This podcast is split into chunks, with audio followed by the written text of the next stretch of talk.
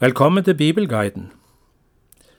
Det er profeten Jesaja vi leser nå i denne programserien, og vi kommer fram til kapittel 58. Dette kapittelet er sammen med kapittel 59 innledningen til det siste store avsnitt i profetboka. Her er det store temaet Guds frelste menighet og dommen over de ugudelige. Vi har under vår lesning av Jesaja-boka stadig støtt på uttrykket Herrens tjener. Først ble denne beskrivelsen brukt om kong Kyros som Guds redskap til å utfri folket fra Babylon. I kapittel 49 57 ble det brukt om Guds Messias som skal komme til frelse både for Israel og hele verden. Nå i de siste kapitlene ser vi at Herrens tjener òg blir brukt om de gudfryktige israelerne på profetens tid. Men klarere og klarere ser vi nå at det tales om den kristne menighet, som et resultat av Messias gjerning og frelse for folkeslagene. Igjen møter vi altså profetier og beskrivelser som gjelder hjemkomsten fra Babel, vevd sammen med utsagn som vi klart forstår viser fram imot kirka sin og misjonen sin tidsalder etter Jesu liv og gjerning for vår frelse. Så dagens kapittel. Før profeten går over til å tale om den frelstes menighets herlighet under Guds velsignelse, så viser han at forutsetningen for Guds nærvær hos sitt folk er den at den enkelte omvender seg og søker Gud på en oppriktig måte. For at de skal forstå nødvendigheten av omvendelse og nytt liv, så trekker profeten igjen fram folkets synder. Synden ligger først og fremst i en falsk og utvortes gudsdyrkelse, en falsk gudsdyrkelse som de mener vil gi de Guds gunst og velvilje. Å overholde faste og religiøse skikker og ritualer hjelper ingen om ikke hjertet er med og det leves et rett liv. Vi hører Jesaja kapittel 58 vers 1-5. Rop av full hals, spar deg ikke, la stemmen runge som et horn. Fortell mitt folk om deres lovbrudd og Jakobs hus om deres synder. De søker meg dag etter dag og ønsker å kjenne mine veier. De ligner et folk som gjør det som er rettferdig, og ikke vender seg bort fra det som er rett for deres Gud. De spør etter mine rettferdige lover og ønsker å være nær Gud. Hvorfor ser du ikke at vi faster? Hvorfor merker du ikke at vi plager oss selv?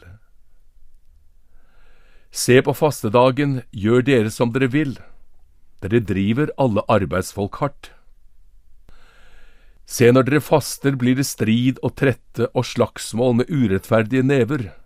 Dere faster ikke slik i dag at stemmen deres kan høres i det høye. Er dette den fasten jeg har valgt?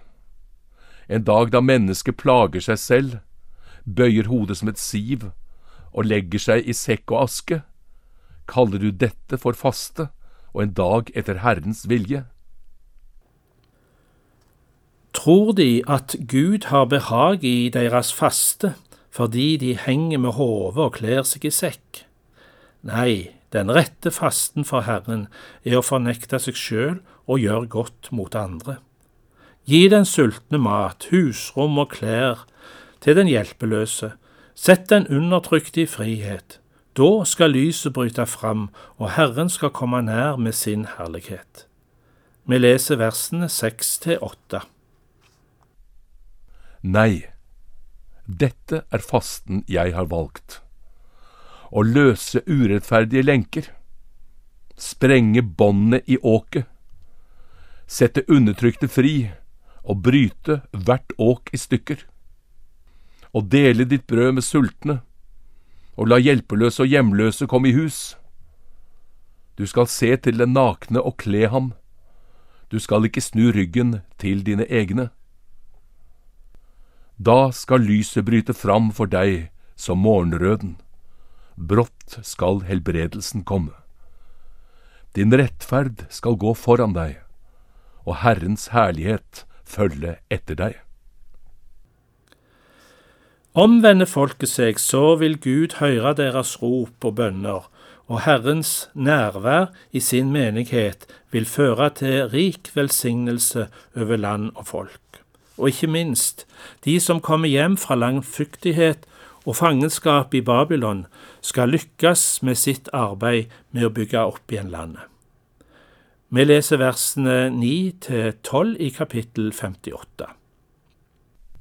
Da skal du kalle, og Herren skal svare. Du skal rope, og han skal si, Her er jeg.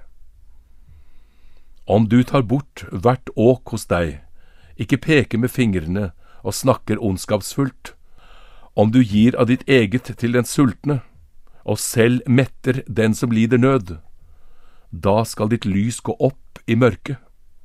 Din natt skal bli som høylys dag. Herren skal alltid lede deg og mette din sjel i det tørre landet.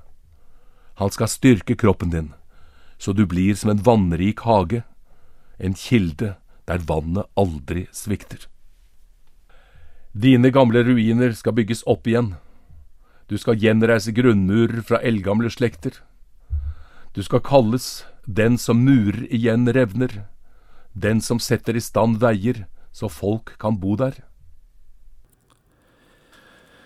Det vi til nå har hørt om, er et rett liv mellom oss og et liv i tjeneste for vår neste.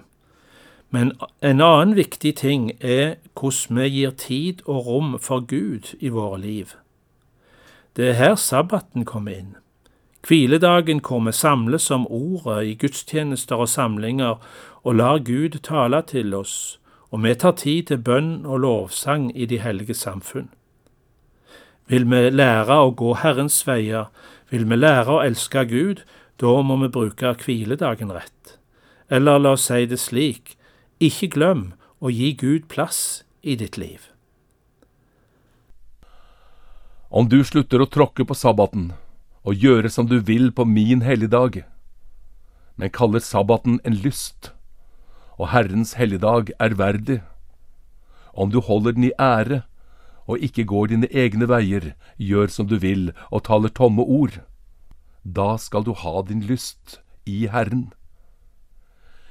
Jeg lar deg ri over høydene i landet, og spise av arven etter Jakob din far, for Herrens munn har talt. Da sier vi takk for følget i dag, og velkommen tilbake til Bibelguiden.